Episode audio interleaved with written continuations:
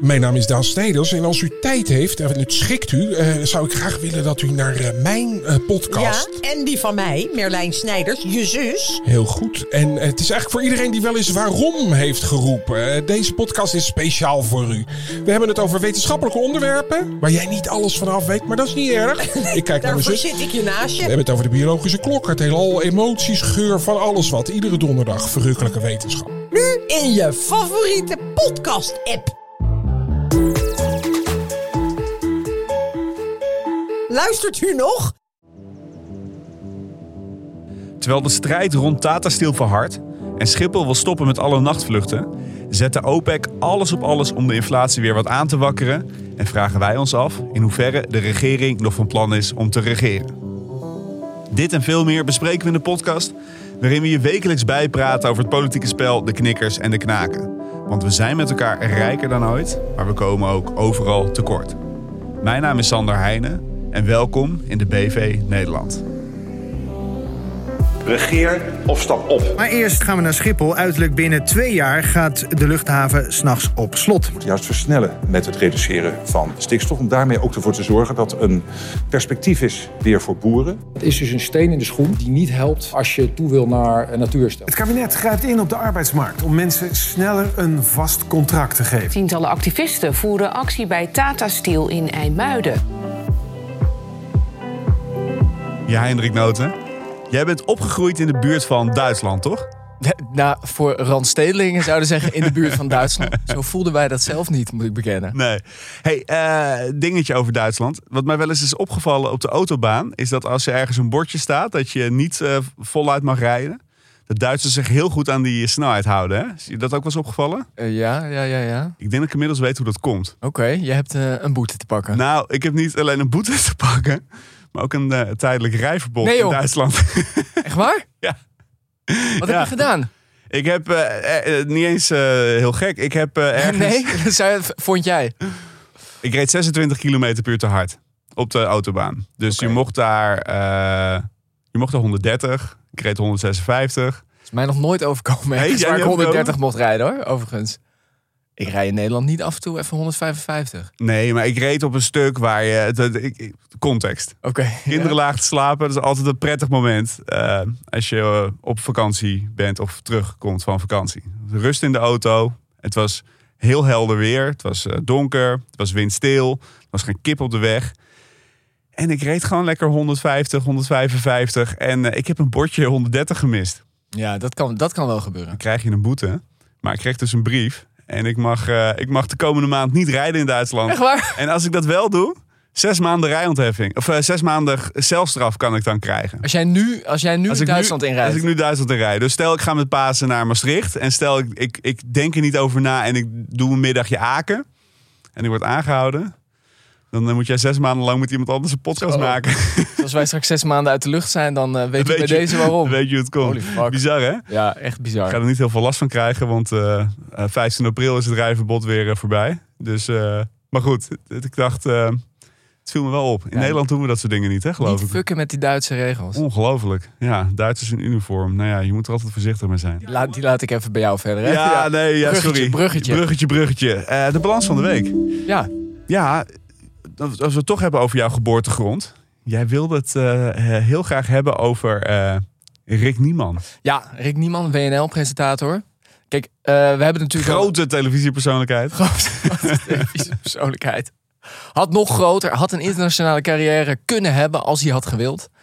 Nee, we hebben, eh, we hebben het natuurlijk een aantal weken al linksom of rechtsom over de stad versus de platteland. En je kan daar heel feitelijk over praten. Ik heb het gevoel dat wij vorige week, heb jij geprobeerd best feitelijk uiteen te zetten wat de verschillen zijn tussen de regio en de stad. Op basis van empirisch eh, onderzoeksmateriaal. Ja. Je kan er ook heel pathetisch over praten.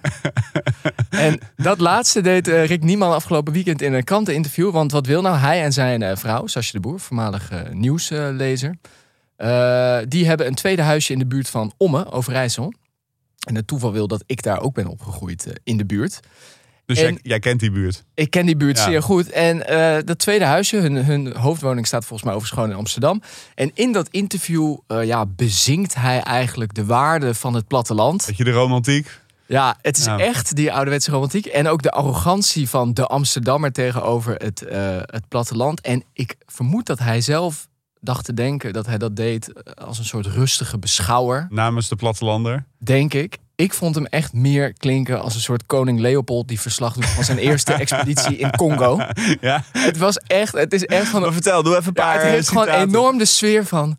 Ja, die mensen hier, die doen gewoon allemaal hele normale dingen. Eh, dus hij is zich enorm aan het verbazen over het feit dat iemand bij de bakker voor hem even een praatje maakt met de bakker. Dat vindt hij een soort teken van beschaving, wat je alleen nog op het platteland tegenkomt. Nou, ik maak ook wel eens een praatje met mijn bakker in Zeker. Amsterdam. Ehm, eh, maar ook eh, wordt er genoemd dat eh, ja, het is gewoon zo fijn in de buurt van Ommen. Dan ben je ergens en je zit met elkaar rond een kampvuur. En dan plotseling haalt iemand een gitaar tevoorschijn en die begint een serenade te spelen. Ja, ik kan je echt vertellen, ik heb daar 13 jaar in de buurt gewoond. Er heeft nog nooit iemand een fucking serenade voor mij gespeeld bij een kampvuur. Ah. Ja, eh, dus Moeten we het daarover hebben? Of nee, daar hoeven we denk ik niet over te hebben. Dus in ieder geval, ik heb me er erg vrolijk over gemaakt. Hey, ging hij ook eh, de schedelse mensen opmeten daar? Ik, ik vond het dat een klein beetje ademen, ja, die sfeer. Wat anders. Eh, ik pleit minstens één keer per maand voor de complete sluiting van Schiphol. Ja, dat, dat weet je. Dat is een van mijn, van mijn stokpaardjes. En ik heb het idee dat ik progressie ja wat willen, toeval. Tussen 12 en 5, s s'nachts, gaat Schiphol eh, stoppen met eh, vliegen. Dus, eh, dus het wordt eh, stil. Ja, Eh, vijf uurtjes lang per etmaal over twee jaar in het luchtruim boven de Randstad. Ja, wat, wat vind je ervan? Er was een interview met een nieuwe topman, de opvolger van eh, Benschop bij Schiphol. Privéjets eh, gaan ze mee stoppen. Eh, geen nachtvluchten meer. En eigenlijk zei hij ook, eh, groei van Schiphol is niet meer de heilige graal. Hoe kijk je nou nu naar die move van Schiphol, deze aankondiging? Nou ja, kijk, op het eerste gezicht denk je, oh fijn, een nieuwe wind, frisse wind, eh, verandering. Eindelijk begint het besef in te dalen daar. Dus ik denk dat het alleen maar positief is. Dat je kan niet, hè, je kan niet eindeloos groeien in beperkte ruimte. Dat is natuurlijk gewoon fysiek onmogelijk. Ehm, die privéjets, dat viel me wel erg op. Want dat is natuurlijk, hè, ik, ik heb toen voor een andere podcastserie eh, die ik maakte, De Ommezwaai, ben ik meegegaan met Extinction Rebellion en Greenpeace toen zij eh, dat platform gingen bezetten van die privéjets. Ja, en ik, dat, dat eh, heeft natuurlijk dat heel erg uitvergroot. Hè? Van eigenlijk die waanzin van, van de superrijken die, eh, ja, die, die gewoon eh, niet met z'n driehonderd in een vliegtuig gaan zitten, maar gewoon in een eentje of met z'n tweeën. Dus dat, dus, dus dat, ik denk dat dat, dat vond ik eigenlijk het meest opvallende eraan. Maar als je wat verder gaat doordenken over wat zit hier nou achter. Want je moet altijd nadenken, wat zit erachter. Hè? Harbers heeft natuurlijk in een eerder stadium al gezegd. We moeten, de grens van Schiphol is beperkt. Want er is te veel geluidsoverlast, te veel uitstoot van, van, van CO2, van stikstof enzovoort. Dus Ja, het zijn allemaal wettelijke beperkingen eigenlijk. zijn Ook allemaal, die er zijn- geluidsoverlast. precies, er zijn allemaal juridische beperkingen op. En in 2018 is daar nog iets bijgekomen. De Wereldgezondheidsorganisatie die heeft in 2018 een nieuwe norm voor geluidsoverlast vastgesteld. En die komt erop neer als je die norm op Schiphol legt. En de Tweede Kamer heeft al unaniem eh 2018 of 2019 gezegd... ja, wij moeten die norm van de WHO gaan handhaven in Nederland. En dus daar is al een motie over aangenomen. Het is nog niet geëffectueerd in wetgeving. Zou je dat nu effectueren in wetgeving... dan moet Schiphol eigenlijk bijna helemaal sluiten. Echt waar? Ja, want Schiphol ligt in, op een van de drukste plekken van het land. Ja. Het hart van de Randstad. En als je een cirkel om Schiphol heen trekt... het is eigenlijk een meer een soort van, van olievlek qua geluidscontouren... Maar dan kan je tot aan Castricum, tot aan Leiden, tot aan eh, de provinciegrenzen van Utrecht, tot aan de randen van Amsterdam, tot aan Gouda, zeg maar. Grofweg kan je daar volgens die normen niet gezond wonen. En dat komt omdat je eh, permanent geluidsoverlast, dan slaap je slecht, krijg je stress van, eh dan krijg je allerlei hart- en vaatziekten gerelateerde aandoeningen kan je daarvan krijgen. Dus ik denk, als je naar die rekenmodellen kijkt, die geluidsoverlast gaat altijd. Het, het gaat niet over dat het één keer heel hard geluid is, maar het gaat ook om hoe het geluid gemiddeld door de dag heen zich beweegt. Hoeveel geluid heb je per dag? Precies, precies. Dus dat, is, dat zijn hele ingewikkelde modellen. Maar nou vermoed ik, ik ken dit model niet en ik ben geen modelleur, maar nou vermoed ik dat als je s'nachts die vijf uur overlast eruit haalt, dat dat in die rekenmodellen dat het een veel gunstiger beeld geeft. Dus uiteindelijk wat ze denk ik proberen te doen, is het voor te zijn dat er omwonenden naar de rechter gaan met een nieuwe WHO-norm en zeggen van hey, Schiphol moet per direct dicht. Dus ze proberen daar denk ik tijdig op te anticiperen. Dan gaat er ook nog een ander spel spelen nu. Ja, want Transavia bijvoorbeeld was boos. Hè? Dat wil ik even zeggen. Want in de nacht zitten heel veel, volgens mij dan blijkbaar vakantievluchten. Dus ik zag de directeur van Transavia. Die zei, die zei nog net niet... De, we pakken de vakanties van arme mensen af. Maar daar kwam het bijna wel op neer. Zeker. En, wat, en, en, en hoe dat werkt, hè? Die, die goedkope vluchten door Europa, die, die zijn zo goedkoop. Omdat die vliegtuigen die, die staan maar twee uur of drie uur per etmaal op de grond. Hè, dus die gaan van ochtends vroeg tot avonds laat vliegen die dan eerst van Amsterdam naar bijvoorbeeld Barcelona. En dan van Barcelona bijvoorbeeld naar, weet ik veel, eh, Griekenland. En dan van Griekenland weer nemen ze mensen weer naar Amsterdam. En dan gaan ze nog een keer naar Londen. En dan gaan ze naar enzovoort. Dus die, een paar goede Britse toeristen voor Amsterdam op. Precies, precies. Die kunnen dan Gezellig leuk. vluchtje. eh, ja, die moeten toch wegblijven nu. Eh, Nee, maar, maar, maar wat je dus krijgt, is dat je die vliegtuigen, die probeer je zo maximaal mogelijk in de lucht te houden. Want dan kunnen de tickets zo goedkoop mogelijk zijn. En als je vijf uur mist in de nacht, dat je niet mag starten en landen, kan je die vliegtuigen in theorie minder intensief gebruiken. Dus wordt de prijs per stoel in zo'n vliegtuig hoger. Ja, ja. Wat op zich natuurlijk helemaal niet slecht is, want vliegen is veel te goedkoop. Nou zou er een oplossing kunnen zijn als wij toevallig ergens anders nog een stukje landingsstrip hadden. Ja, dus de meeste mensen denken dat Schiphol zes banen heeft. Hè. Die liggen daar in de Haarlemmermeerpolder. Maar Schiphol heeft ook nog een zevende baan. En die ligt in de Flevopolder. en die, als, als ze die gaan gebruiken, hè, vliegveld Lelystad... dan gaan ze heel dicht over jouw geboortegrond eh, vliegen. Dan krijg je daar allemaal geluidsoverlast. Maar in die rekenmodellen is die geluidsoverlast dan wel veel meer verspreid over Nederland. Dus het spel wat je nu de komende tijd, mark my words, wat je gaat zien... is dat nu de druk om vliegveld Lelystad, wat 100% eigendom is van Schiphol... eh, om dat te openen, die druk gaat nu groter worden. Want het was altijd al de bedoeling om die, chart, om die vluchten van Transavia en Ryanair en al dat soort maatschappijen naar eh, Lelystad te verplaatsen. Dus hier gaat extra druk op komen. Slecht nieuws voor mijn geboortegrond. Ja en nee. Want de grootste partij eh, in iedere provincie is de BBB. Ah, ja. BBB, wat willen ze met Lelystad? Weet je dat? Dicht houden? Ja, want ze willen daar boeren. Oh. ja. Ik vind het zo fijn dat Nee, ik moet- dat, zeg maar, de- het keuzepalet tussen hoe wij met onze ruimte omgaan... bevat eigenlijk alleen maar mooie dingen. Nou, ik moet eerlijk zeggen, ze willen er boeren of woningen bouwen. Nou, als, je, prima. als je kijkt, de Flevopolders, dat zijn zo'n beetje de meest vruchtbare eh, gronden van Nederland. Dus eigenlijk zou je daar gewoon akkerbouw moeten bedrijven. Dat is op zich heel logisch. Dus dit wordt het spel de komende tijd. Dit wordt, Spannend. dit wordt het spel de komende tijd, dus eh, we gaan het blijven volgen. Wat we ook moeten blijven volgen, is eh, de inflatie. Eh, en de OPEC, hè, de, het kartel van olieproducerende landen, de OPEC plus Rusland, die hebben nu besloten om eh, de olieproductie te verlagen. Nou, en waarom doen ze dat? Om de prijs te verhogen. En nou is de inflatie in Nederland wat aan het zakken. Maar die is nog steeds 4,4 procent de afgelopen maand. En dan moet je erbij denken. Mensen denken dan, de inflatie wordt minder. Dat is goed nieuws. Maar die inflatie meten we jaar over jaar. Dus wat een jaar geleden hadden we die enorme inflatie van boven de 10 procent. Nou, en de prijzen zijn niet aan het terugzakken. Alleen de inflatie is aan het zakken. Maar het is cumulatief. Het telt bij elkaar op. Dus Ja. we hebben nu 4,5% inflatie bovenop die ruim 10% van vorig jaar al. Dus uiteindelijk wordt alles alleen nog maar duurder. Eh, nog steeds is dat de ontwikkeling. En eh, de olieproducerende landen zijn die proberen volgens mij ook, want Rusland zit hierbij, Saudi-Arabië zit erbij, die, die, zijn, die zijn bezig toch om het Westen proberen ze deels te ontwrichten. Ja, de druk je- erop houden. Hè? de druk erop te houden. Dus, dus door de olieproductie te verlagen, prijzen gaan dan weer omhoog hier aan de pomp, ontstaat hier weer sociale onrust. En dat is een spel wat we ook eh, zeker moeten blijven volgen, want het heeft grote staken. gevolgen voor ons. Ja, nou prima. Gaan we volgen. Oké jongen, laten we naar het eh, eerste grote onderwerp gaan dat we deze week willen bespreken. En dat is eh, misschien wel een vraag die we moeten gaan zien te beantwoorden. En de vraag is, we hebben een regering, maar willen zij ook regeren?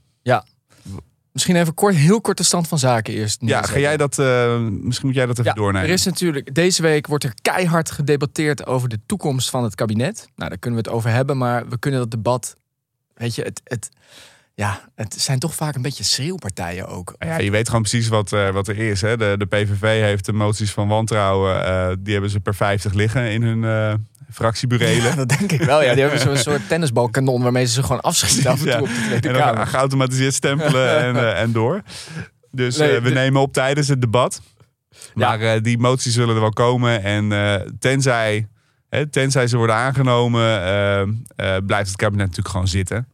Maar de stand van het kabinet is wel wankel. Want na de verkiezingen was het zoeken, zoeken, zoeken. De druk nam toe. En eigenlijk al heel gauw werd duidelijk dat vooral het CDA zijn kont tegen de krip zou gaan gooien. Die wilde niet door eh, op de, de gekozen koers. Maar wat ze wel wilden, zullen we het zo meteen even over hebben. Dat weet ook volgens mij nog Nee, maar dat is toch, dit is toch heel wonderlijk? Dat is heel wonderlijk. Want ik, ik zat ernaar te kijken. Ook vrijdag kwam die brief hè, van Rutte. Eh, volgens mij van alle eh fractievoorzitters. Ja. Nee, alle Ja, even voor de volledigheid. Namens het kabinet stuurde Rutte de brief naar de Kamer afgelopen vrijdag. En daarin zei hij eigenlijk: We hebben heel veel problemen. We zien dat er een kloof is tussen allemaal mensen. Wij voelen wantrouwen als kabinet. We willen het oplossen. En oh ja, het CDA wil heronderhandelen over stikstof. En we Dit gaan- was ongeveer. En we gaan voorlopig niks doen. En daarom gaan we tot de zomer niks doen. Ja, Dit was eigenlijk de ja brief. dus we gaan niks doen om te versnellen. Dat was eigenlijk, is eigenlijk wat hij zei. Ja. Kan dat? Ik bedoel, ik denk dan meteen, ze zijn schizofreen geworden. Maar jij bent bestuurskundige. Jij hebt hier eh, diepere inzichten in. Niks doen om te versnellen. Nou ja, D66 die wilde natuurlijk stop de stilstand, stem vooruit. Daar had ik toen ook wat, wat ingewikkeldheden mee. Ja, maar we hebben nu gestemd op de stilstand, toch? We hebben nu gestemd op de stilstand. Maar we gaan wel nog vooruit. Sneller dan ooit. Ja, maar gaan we vooruit dan? Nee, nee, volgens mij niet. Het is natuurlijk flauwekul. Het was een soort schetsvertoning. Het kabinet Rutte probeerde nog duidelijk te maken... ik denk een beetje om D66 te pleasen... van we gaan zeker de ambities niet naar beneden brengen. Maar dat is het natuurlijk eh, wel. Er wordt gezegd over stikstof... eh, in de zomer gaan we heronderhandelen. Eh, en tot die tijd wachten we eigenlijk af... En we gaan wachten wat de provincies doen. Maar we hebben het al eerder over gehad hier. Jij hebt er vorige keer een tirade over gehouden. Ik? De toch? provincies die kijken eigenlijk naar Den Haag. En die zeggen, we willen wel van alles. Ja, maar we hebben eerst van gaan jullie hulp over. nodig. Precies, de provincies gaan er niet over. De provincies moeten het rijksbeleid uitvoeren.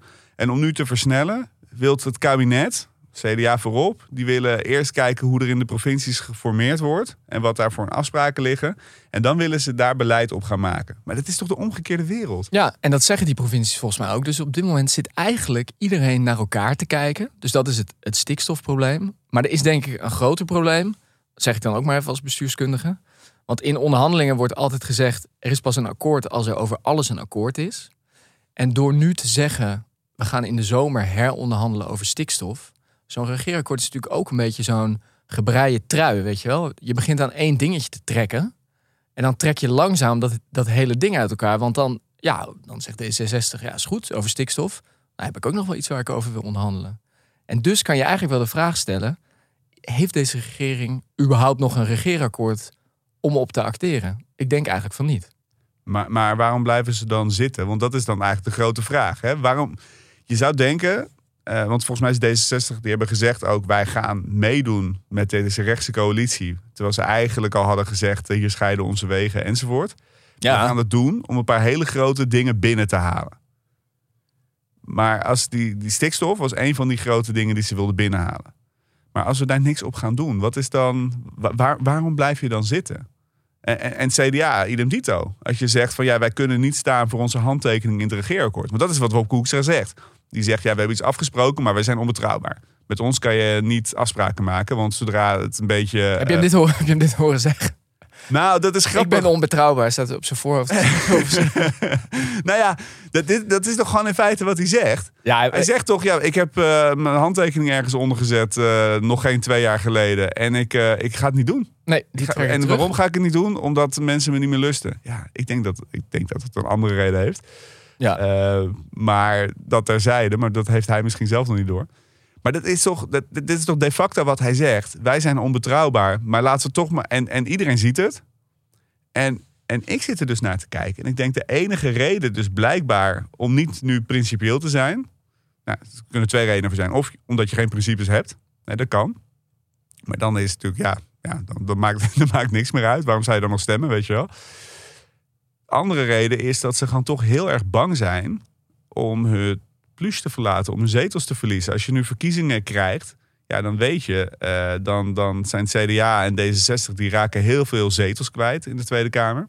En er zijn ook een heleboel mensen, die zijn dan toch ook gewoon hun baantje kwijt. Ja, ik denk dat dat zeker meespeelt hier. Maar dat is toch extreem cynisch? Ik, ja, ik, ik vind dat wij moeten proberen niet te cynisch te zijn. Nee, dat vind ik Maar dus eerst ook. wil ik toch zeggen, ja, dit, volgens mij is dit wel heel cynisch. Dus er wordt uit angst om te verliezen, blijf je wel bij elkaar, maar besluit je zo min mogelijk te doen, omdat je over alles ruzie gaat krijgen. Maar dan zit je daar alleen nog omdat je niet wil verliezen.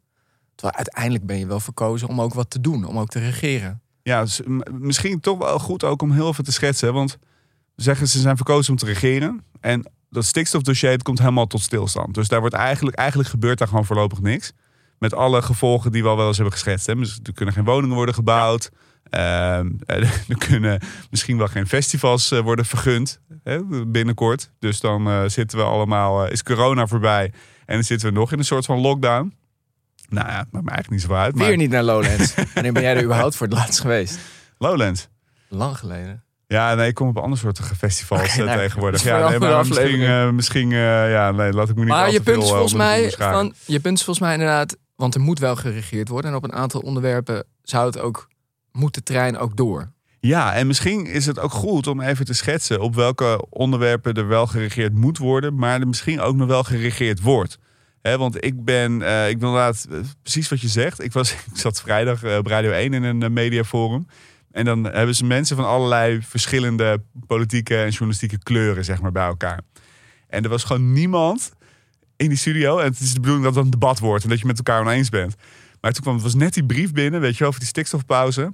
En we zaten daar gewoon allemaal van links tot rechts van... Grafstemming. Van, nou, van het volledige cynisme van waarom, waarom blijven ze zitten als ze zo op elkaar zijn Oké, uitgekeken. waarom blijven ze zitten? Hit me. Nou, er zijn een paar thema's waarop het kabinet wel degelijk aan het regeren is. En het eerste thema, dat is natuurlijk... Hè, jij als, eh, je bent niet alleen een plattelandsjongen, maar je bent ook eh, een polderjongen. Wat jouw hart toch eh, eh, moet, eh, hoe zeg je dat, het vuur in je hart moet doen oplaaien. Dat is namelijk de plannen voor de arbeidsmarkt. Mm, sociale zekerheid. Sociale, ja, de meeste luisteraars zijn nu wel weg. Ja, klopt. Er wordt al heel lang gesteggeld in Nederland over de arbeidsmarkt. Waar te veel mensen een flexcontract hebben. En ook te veel ZZP'ers, zelfstandig zonder personeel, onverzekerd rondlopen. In het geval van arbeidsongeschiktheid, zoals dat dan heet. En eigenlijk heeft de minister deze week, en dat, is, dat heeft wel serieuze grote implicaties. Eh, haar plannen naar de Kamer gestuurd. Waar ze eh, inmiddels ook de werkgevers en de vakbonden in mee heeft weten te krijgen. Van hoe ze die arbeidsmarkt wil gaan verbouwen.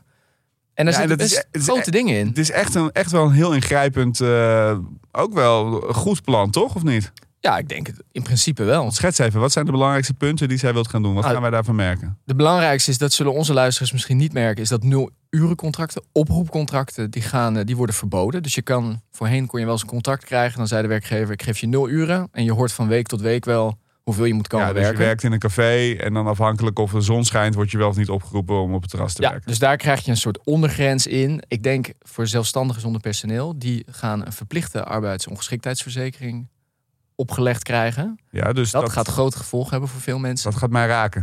Dat veel gaat mij freelancers raken. gaat dat raken. Ja, die moet dan ook betaalbaarder worden, is het idee. Hoe gaat het dan werken? Hoe dat gaat werken? Ja. Ja, er komt een soort collectieve regeling waar je dan aan mee kan doen, maar dat hoeft niet volgens mij. En in principe, omdat iedereen dat dan doet, gaat de prijs daarvan dan wat meer naar beneden. Maar wacht, er komt een verplichte v- verzekering, maar je hoeft er niet aan mee te doen. Ja, je moet je verplicht verzekeren. Oh, je, je kan mag ook nog bij een privaat- privaat of een particulier stelsel gaat. Dus je Ja. kan een soort van, eh, van premium eh, plus plus eh Volgens mij wel, ja. privéverzekeringetje nemen. Ja, maar hou me te goede, maar volgens Ja. mij wel. Nou, voor uitzendkrachten komt er ook meer, die krijgen betere pensioenregelingen. Ja, zo komt er eigenlijk een hele hoop. En wat gaat dit doen hè, voor, voor werkend Nederlands op de langere termijn? Ja, is dat het toch voor mensen die nu in een flexcontract werken, heb je veel meer zekerheid over je inkomen. Kan je ook weer makkelijker bijvoorbeeld eventueel een hypotheek krijgen. Ik noem maar wat. Ook bij andere dat soort zaken. Dus het gaat het risico veel kleiner maken dat je in de armoede terechtkomt als het even tegen zit. Bijvoorbeeld bij corona. Dus die verschillen tussen die groepen kwetsbare en minder kwetsbare mensen, die worden veel kleiner. En ik denk dat de minister dat gewoon eigenlijk heel goed nu heeft gedaan. En de werkgevers zijn ook aan boord bij dit plan. Dus wat krijgen zij hiervoor terug? Ja, zij krijgen ervoor terug dat in tijden van crisis, dit kan wel eh bits worden, kunnen zij bijvoorbeeld eh, het personeel verplichten om tijdelijk 20% minder te werken. Dus jou voor één dag in de week naar huis te sturen. En dan ook eh, 20% minder betalen. 10% minder betalen. Oké, dus Wel Nederland-Polderland. Dus Ja. eh, je krijgt dan wel... een klein upsideje, Ja. maar, maar, maar je hebt wel gewoon minder geld. Ja. ja. Ja, oké, maar goed, de, hè, het is eh, Nee, oké, beide dus dus, dus Ja. je hebt een soort van, van flex de, de flexschil, waar werkgevers het altijd over hadden. Van we moeten gewoon, weet ik veel, dan een derde van de mensen in vaste dienst en de rest een beetje eromheen in zo'n wolk. Die gebruik je als je ze nodig hebt. En als je even niet nodig hebt, dan spuug je ze weer uit. Ja, ja. Ehm, dat maak je dus, dat, dat incorporeer je eigenlijk in het arbeidscontract. ja, en er blijven wel uitzendkrachten en er blijven ZZP'ers, maar die verschillen worden kleiner. Denk Ja, en die dat uitzendkrachten, dat wordt vooral voor piek eh, en ziek dan. Ja. Niet meer zozeer als structurele arbeid, toch? Dat is Klopt. een element wat erin zit. Klopt. Oké, nou dan een volgend thema waarop, eh, waarop wel degelijk wordt doorgepakt op dit moment... is eh, ja, defensie. De krijgsmacht. Nou, moet je even vertellen dan? Nou ja, we hebben de NAVO-norm, hè, de 2% die we moeten halen. Dus we moeten ehm 2% van ons BBP uitgeven aan defensie. En we zaten volgens mij op een gegeven moment op 1,2%. Want er was echt enorm bezuinigd op de krijgsmacht eh, eigenlijk de afgelopen 30 jaar. En nu is, eh, eh, we, we willen versneld naar die 2% toekomen vanwege de oorlog in Oekraïne, hoeven we allemaal niet uit te leggen. Het probleem is een beetje, we hebben enorme personeelstekorten. Dus, dus een van de manieren om je, om je uitgaven omhoog te krijgen, is natuurlijk gewoon heel veel soldaten eh, weer in dienst te nemen en die een salaris te betalen. Wordt dat gewoon zo gemeten? Gewoon 2%? Gaat Kijk gewoon het aan hoeveel geld, ja, ja, je moet gewoon dat geld eraan uitgeven. Prima. Ja, Goed. En dus je, je, kan ook, je zou ook de salarissen van soldaten heel erg kunnen ophogen. Kom je er ook? Dan, dan doe je natuurlijk de facto niks aan je, Nee, precies. aan, aan je slagkracht. Eh, maar goed, personeel is eigenlijk niet echt de route in Nederland. Want ja, er is gewoon weinig belangstelling nog steeds onder jonge mensen om, eh, om eh, in dienst te gaan. Dus we zijn nu vooral dure shit aan het kopen. Dus, dus we hebben al een tijdje geleden eh, van die raketsystemen gekocht. Hè. Oekraïne wilde in het begin van de oorlog heel graag van die HIMARS hebben. Van die raketten waarmee je dan op meter nauwkeurig tot 70 kilometer achter het front kan schieten. Hè. Dus dan kan je de, de voorraden van je vijand kan je dan onder vuur nemen zonder dat Ja. je zelf eh, onder vuur ligt. Nou, daar hebben we er een heleboel van gekocht. Oh ja? Ja, dus, eh, dus en met raketten die tot 300 kilometer kunnen schieten zelfs. Dus we kunnen dan, ja, als we ruzie krijgen, kunnen we tot aan Frankfurt kunnen we schieten, zeg maar. Ah. Vanuit onze landsgrenzen. En heel precies. Ehm, eh, maar, maar nu, we gaan ook marineschepen kopen. Echt een grote orde, in één keer voor 3,5 miljard. Hè, Maar dus- nieuwe schepen kopen? ja, en, en, en we zijn overal aan het onderhandelen bijvoorbeeld tanks. Hè? Maar iedereen wil nu tanks kopen. En iedereen wil diezelfde tanks. Want nou, die oorlog in Oekraïne heeft laten zien... wat zijn nou de toptanks die je wilt hebben. Eh, maar omdat iedereen die wilt hebben... is er veel meer vraag dan aanbod. Wat op zich altijd een recept is voor inflatie. Maar wij hebben heel veel geld in Nederland. Dus om aan die 2%-norm te komen... is het eigenlijk helemaal niet zo slecht. Boekhoudkundig dan, hè? Verder slaat nergens. Boekhoudkundig, ja. boekhoudkundig is het dan niet slecht om gewoon veel te veel te betalen voor de wapens die je koopt. Dus eh, op het eh, vlak van de fe- defensie heb je gewoon echt een missionair kabinet nodig. Dat gewoon de grote strategische keuzes kan maken zonder dat we te veel geld verspillen. Want eh, die 2%-norm is natuurlijk een afgeleide om gewoon te zorgen dat je een slagkrachtig leger hebt. Dus daar moeten we ook zeker, eh, daar wordt ook doorgepakt, maar er moet ook worden doorgepakt. Dus, dus dat deel van de overheid, nou, laten we maar even hopen dat ze de goede Ja. dingen en de goede spullen kopen. Maar daar heb je eigenlijk ook een missionair kabinet voor nodig. Ja. En dan is er nog een dossier, de afhandeling van eh, de aardbevingsschade hè, die voortkomt uit die gaswinning in Groningen. De ereschuld. De ereschuld, Hans Veilbrief. Eh zit er nu eindelijk een staatssecretaris die een beetje het vertrouwen lijkt te hebben. En luisteraars in Groningen, mocht dat niet zo zijn, eh, stuur ons vooral berichtjes erover. Maar de indruk die ik heb, is dat er eindelijk iemand zit die het dossier echt snapt. En die zich breed heeft gemaakt om zich echt voor de mensen in Groningen in te zetten. Om dat nou eindelijk eens een keer goed op te lossen. En ook daar heb je eigenlijk gewoon een missionair functionerend kabinet voor nodig. Het is eigenlijk al... Om de grote Maar- besluiten te kunnen nemen, heb je een missionair Ja. functionerend kabinet We hebben zeg maar missionair functionerende kabinetten gehad die deze shit hebben gecreëerd. Dus we zouden er op zijn minst ook één nodig hebben om daaruit te komen. Dat eh, ligt wel in de lijn, eh, ja, dat ligt logica. de lijn der logica. En dan hebben we nog een dossier. En misschien kan jij daar iets eh uitgebreider toch nog op reflecteren. Want jij, eh, we hebben daar van de week eh, telefonisch ons erg druk over zitten maken aan de telefoon. De spreidingswet. Ja, daar hebben we het vorige week natuurlijk ook over gehad. Kijk, wat heel erg weer opviel in de brief van Rutte van afgelopen vrijdag... was dat hij expliciet benoemde dat de ambitie van het kabinet was... ehm, dat wetten simpel, rechtsstatelijk en uitvoerbaar moeten zijn. Ja, ja. en ik, ik vind dat een hele lage lat. Ja, jij vindt dat een hele laag lat. Ja, het is toch, ja, hè, hè, weet je wel. Weet je, hetzelfde dat je, dat, je, dat je gaat benoemen als je gaat trouwen van... eh, eh, ja, we, we moeten elkaar niet te veel slaan. Weet je, sommige dingen. Ja, de. Oké, ga Nee, maar het is natuurlijk pijnlijk. Dat, het is niet voor niets opgeschreven, want dit, dit ge- gebeurde natuurlijk niet. Nee, maar dit, ja, nou goed, ik, ik kan er. Ja, we hebben het gehad over die spreidingswet. En eh, het viel me gewoon zo op, omdat juist van die wet die Van den Burg nu naar de Kamer heeft gestuurd. Wat al met al echt een klote wet is. Precies omdat die partijen er onderling weer niet uitkwamen. Dat daarvan de Raad van State heeft gezegd het is te complex. Dat de gemeenten hebben gezegd het is niet uitvoerbaar. Dus ik denk ergens ook in mijn hoofd, hoe durf je het op te schrijven in die brief? Uh, maar hiervoor geldt natuurlijk wel, we, we zeiden het vorige week al, die asielcrisis komt op ons af. Die begint in het voorjaar, als het warmer wordt, als de temperaturen wat omhoog gaan.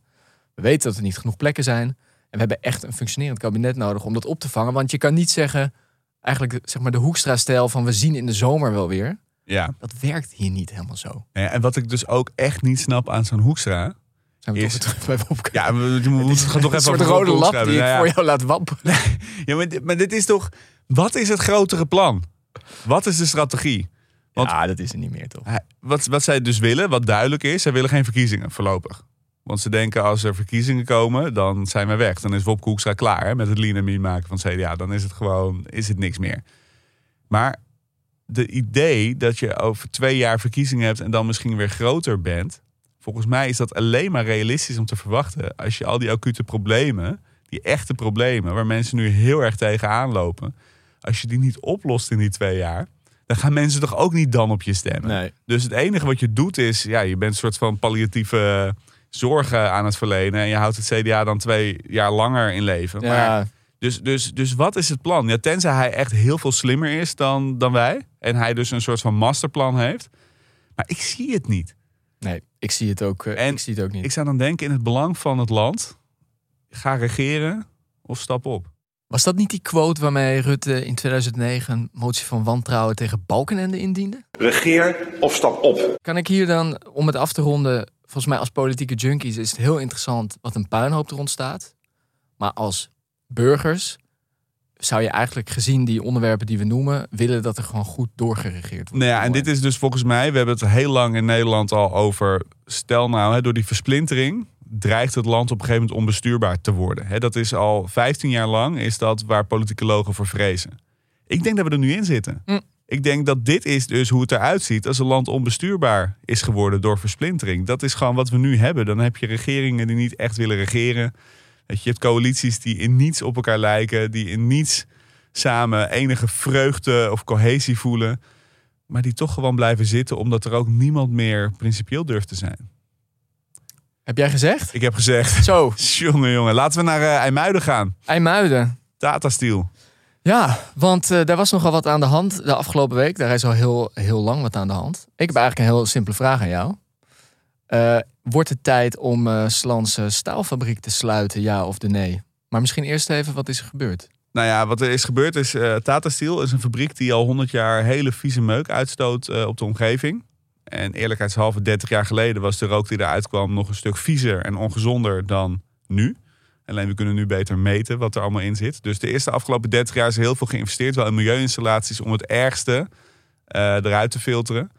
Maar de laatste jaren is de RIVM gewoon heel gericht aan het meten van ja, wat zit er nou precies in die rook en wat komt er nou precies neer op die omgeving. En dat zijn gewoon heel veel kankerverwekkende stoffen. En daar groeien kinderen op. Weet je, daar wonen mensen, met name in Wijk aan Zee. Uh, er recreëren mensen op die stranden. Ik heb daar zelf ook heel veel gesurfd uh, in het verleden. Dus, en ik heb eerlijkheidshalve, twintig jaar geleden, als ik daar ging surfen, door die fabriek stond daar. We dachten echt geen seconde nog over na. Nee. Ik heb ook wel eens gehad, gingen we zwinters uh, met winterpakken aan gingen we surfen. En was er overal sneeuw in de duinen en op het strand.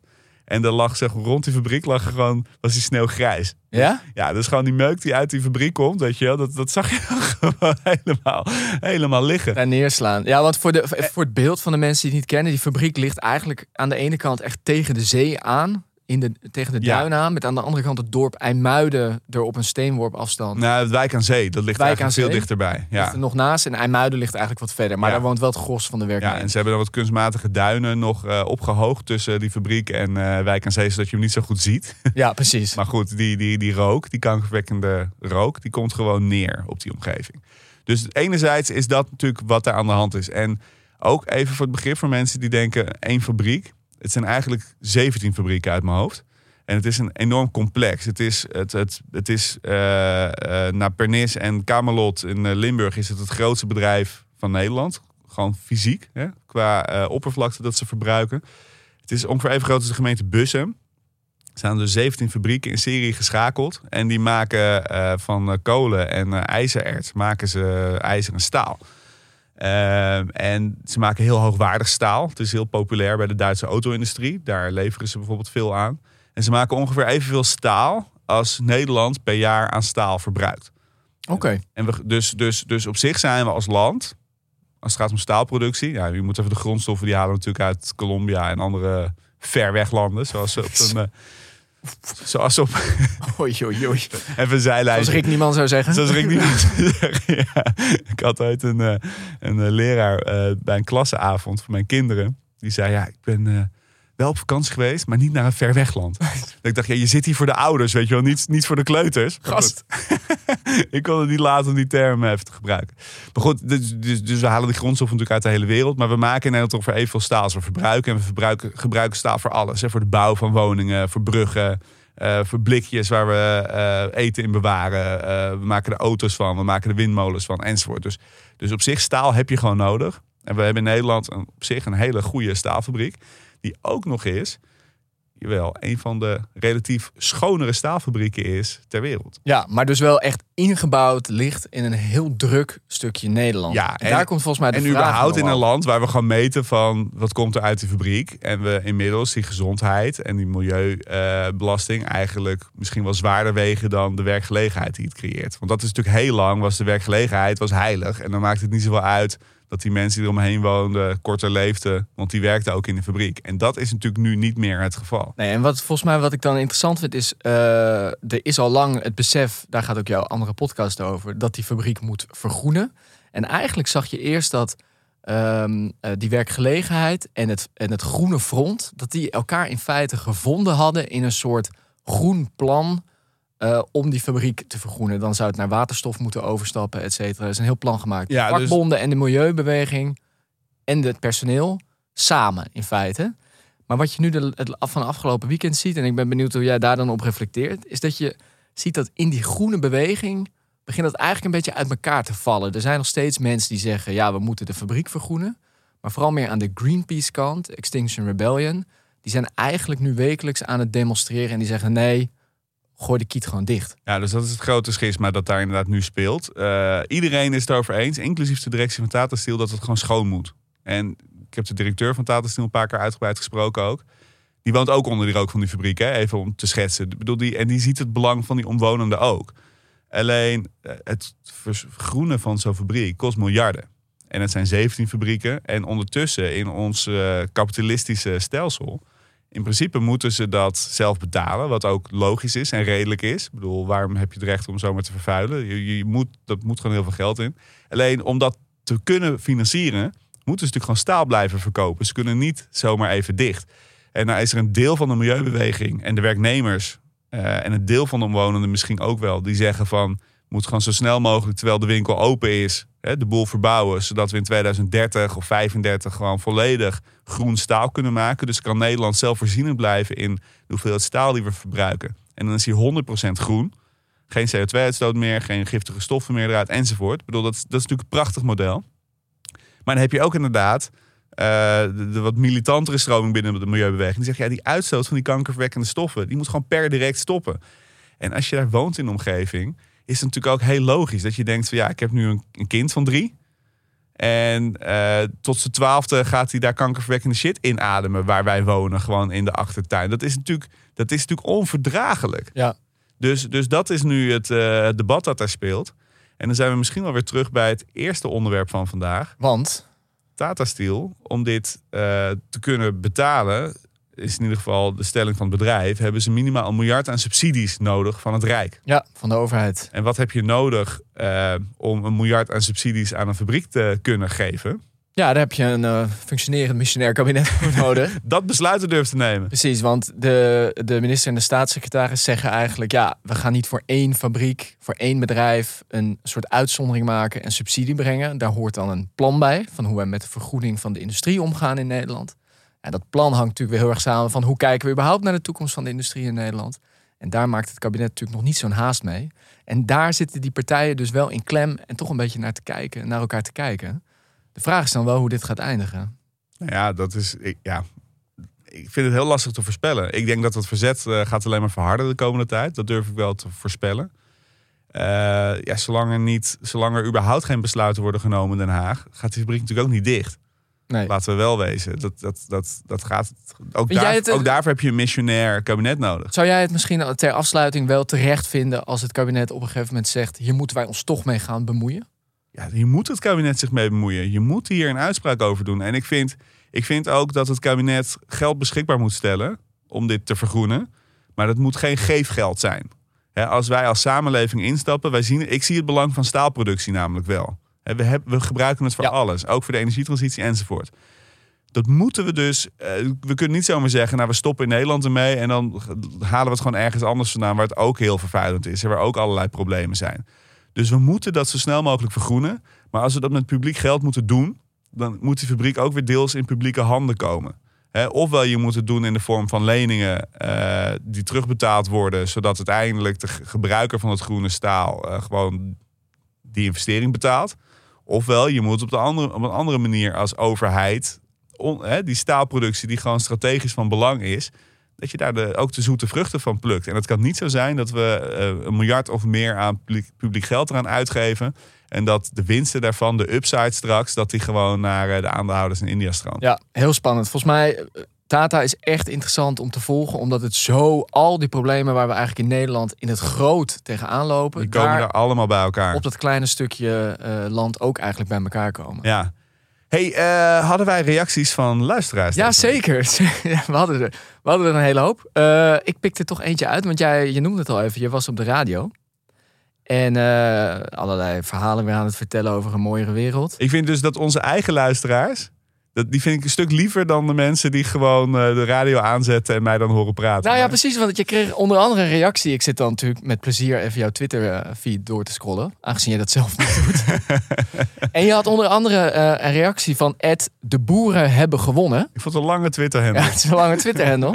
Maar die maakt zich toch wel wat boos over jou, hij of zij, jouw radio-optreden. eh, en ons belastinggeld naar Oekraïne. Maar ik vroeg me af, toch, naar aanleiding van die reactie, zijn wij misschien een beetje, ja, toch een beetje slechte verliezers geweest over de overwinning van BBB? Eh, Hebben wij daar te gekleurd over gesproken met elkaar? Nou ja, volgens mij reageerde deze meneer puur op de radio. Ik heb toen überhaupt niks over Oekraïne gezegd, die hele uitzending. Nee, dat kwam er gewoon bij. Dus, dus dat was gewoon een, een, een tirade. Zijn we slechte verliezers erin geweest? Nou ja, eh, ik denk dat jij jezelf als een verliezer beschouwt in dit debat. Want jij bent natuurlijk lid van een partij en die draag je dan een warm hart toe. Ik denk alleen maar aan het belang van Nederland. Nou, daar is ook een partij voor overigens. Oh ja? Ja, zeker. Oh leuk, hoe heet die? Van Wiebren. ja. Eh, in Nederland, toch? ja, ja, ja. Oké, nou prima. Ik moest er wel erg om lachen. Ik, eh, ja, ik denk dat wij, zeker die eerste avond, hè, die aflevering Welkom in de Boeren Vrijstaat. Licht geëmotioneerd gereageerd. Dat wij nog in de adrenaline van het moment eh, dat gingen duiden. Dat is op zich eh, van podcast altijd prima. Eh, en verder kregen we ook een berichtje voor iedereen die wel eens op Instagram zit, wilde ik toch een tip geven. Er is een meme-account. Weet je wat memes zijn? Nee, maar dat, alle luisteraars weten dat wel, behalve misschien mijn moeder. Ja, dat heet Junior Beleidsmedewerker. De- dat is echt, ik heb er echt heel erg hard om moeten lachen. Die stuurde een plaatje eh, over de politiek versus de regio. Naar aanleiding van onze aflevering. Ik ga niet schetsen hoe het plaatje eruit ziet, want dat heeft niet zo succes. Maar heb je Instagram? Check even eh, die account, want het is echt erg grappig. en erg Ja, on ja. En, ja, en, en Hendrik had mij een, eh, een eh, screenshot gewhatsappt, dus ik heb het ook gezien. Ja, ja, dat is, dit is letterlijk waar. ja. Hey, hoor je hem aankomen? Zeker, daar is Bam, de vrolijke noot. Ik heb er eentje, ik twijfelde erover, want ik weet niet of het vrolijk is, maar het is in ieder geval wel goed nieuws. Vanaf deze week is eh, het programma voor gratis schoolmaaltijden is van start in het basisonderwijs en het middelbaar onderwijs voor kwetsbare leerlingen. En ehm, dit, Dus kinderen die met honger naar school gaan. ja, dat is eigenlijk vanaf nu voor, voor in ieder geval 300.000 leerlingen is dat vanaf deze week in ieder geval opgelost. Voor hoe En lang? eh, ja, volgens mij dit loopt gewoon elk jaar nu. Mooi. En dit is, ja, soms is dit moeilijk voor te stellen, denk ik, als je uit eh, een goed gezin komt. Maar er zijn gewoon heel veel leerlingen die met honger naar school gaan. Wat ook aantoonbaar heel slechte invloed, negatieve invloed op de schoolprestaties heeft. Als je geen energie hebt, dan eh, ga je ook moeilijker leren. Dus ik vond het barbaars eigenlijk dat wij dit niet hadden. Heel veel landen hadden het al en vanaf nu in Nederland ook. En dat vind ik toch iets om in ieder geval misschien niet vrolijk dan wel gerustgesteld Dus het is nog een ministerie waar in ieder geval iets goed gaat. Ja, vind ik eh, even benoemen. Is goed gedaan. Ja, nou ja, dan hebben we toch volgens mij eh, zes grote dossiers, waarvan er twee eh, stil liggen en vier toch wel aardig in beweging zijn. Ik denk dat dat inderdaad iets is waarmee we onze mensen met een goed gevoel naar het einde van deze podcast kunnen loodsen. Maar niet voordat je hebt gezegd dat. Dank aan iedereen voor het luisteren. Volgende week eh, zijn we er gewoon weer. Heb je vragen? Dat kan dus via de socials. Eh, eh, liefst dan wel LinkedIn, want Twitter kijkt Sander niet heel vaak. Maar het kan ook via Instagram, BV Nederland. Maar het kan vooral ook door te mailen naar misschien wel het mooiste mailadres van Nederland. Namelijk bvnederland.creator-podimo.com. Ja, dat heeft u goed gehoord. Kijk ook even in de show notes, mocht je denken, hoe schrijf je dat precies? Vergeet ook niet deze aflevering nog te delen met anderen. We zijn altijd op zoek naar nieuwe luisteraars. En daarmee gezegd, tot volgende week. Volgende week, jongen.